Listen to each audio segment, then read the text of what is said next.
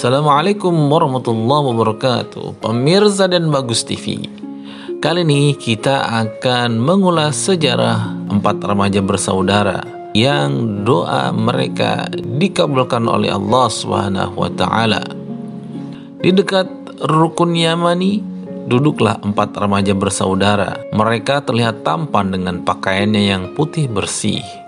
Keempat remaja itu adalah Abdullah bin Zubair, Mushab bin Zubair, Urwah bin Zubair, dan Abdul Malik bin Marwan. Setelah berdoa, mereka saling bercerita tentang kenikmatan berzikir. Salah satu di antara mereka mengusulkan agar masing-masing mengemukakan cita-cita yang dipanjatkan ketika berzikir dan berdoa. Abdullah bin Zubair membuka usulan dan berkata, Cita-citaku adalah menguasai seluruh Hijaz dan menjadi khalifahnya. Setelah Abdullah bin Zubair bercerita, kemudian Mushab juga bercerita. Keinginanku adalah dapat menguasai dua wilayah Irak dan tak ada yang dapat merongrong kekuasaanku, ujarnya. Setelah kakak beradik itu menyampaikan cita-citanya, kini giliran Abdul Malik bin Marwan menyampaikan isi doanya.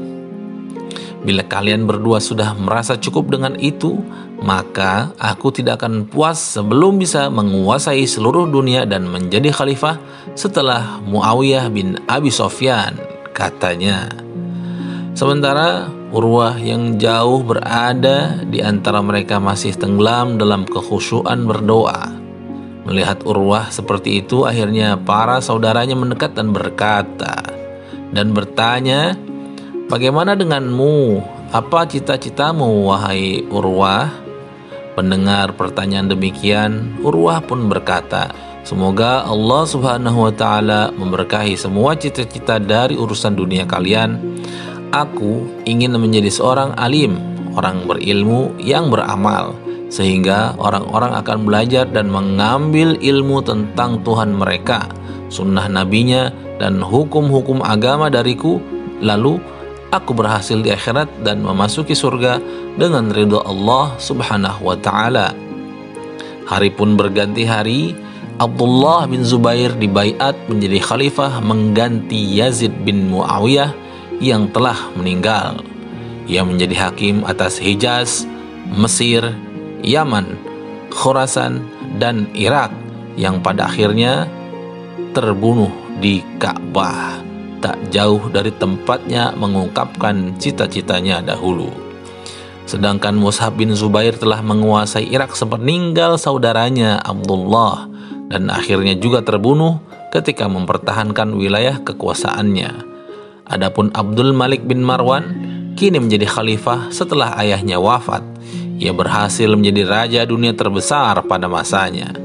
Bagaimana halnya dengan Urwah bin Zubair? Demi merealisasikan cita-cita yang didambakan dan harapan kepada Allah yang diutarakan di Ka'bah, ia amat gigih dalam usahanya mencari ilmu kepada para sahabat Rasul yang masih tersisa.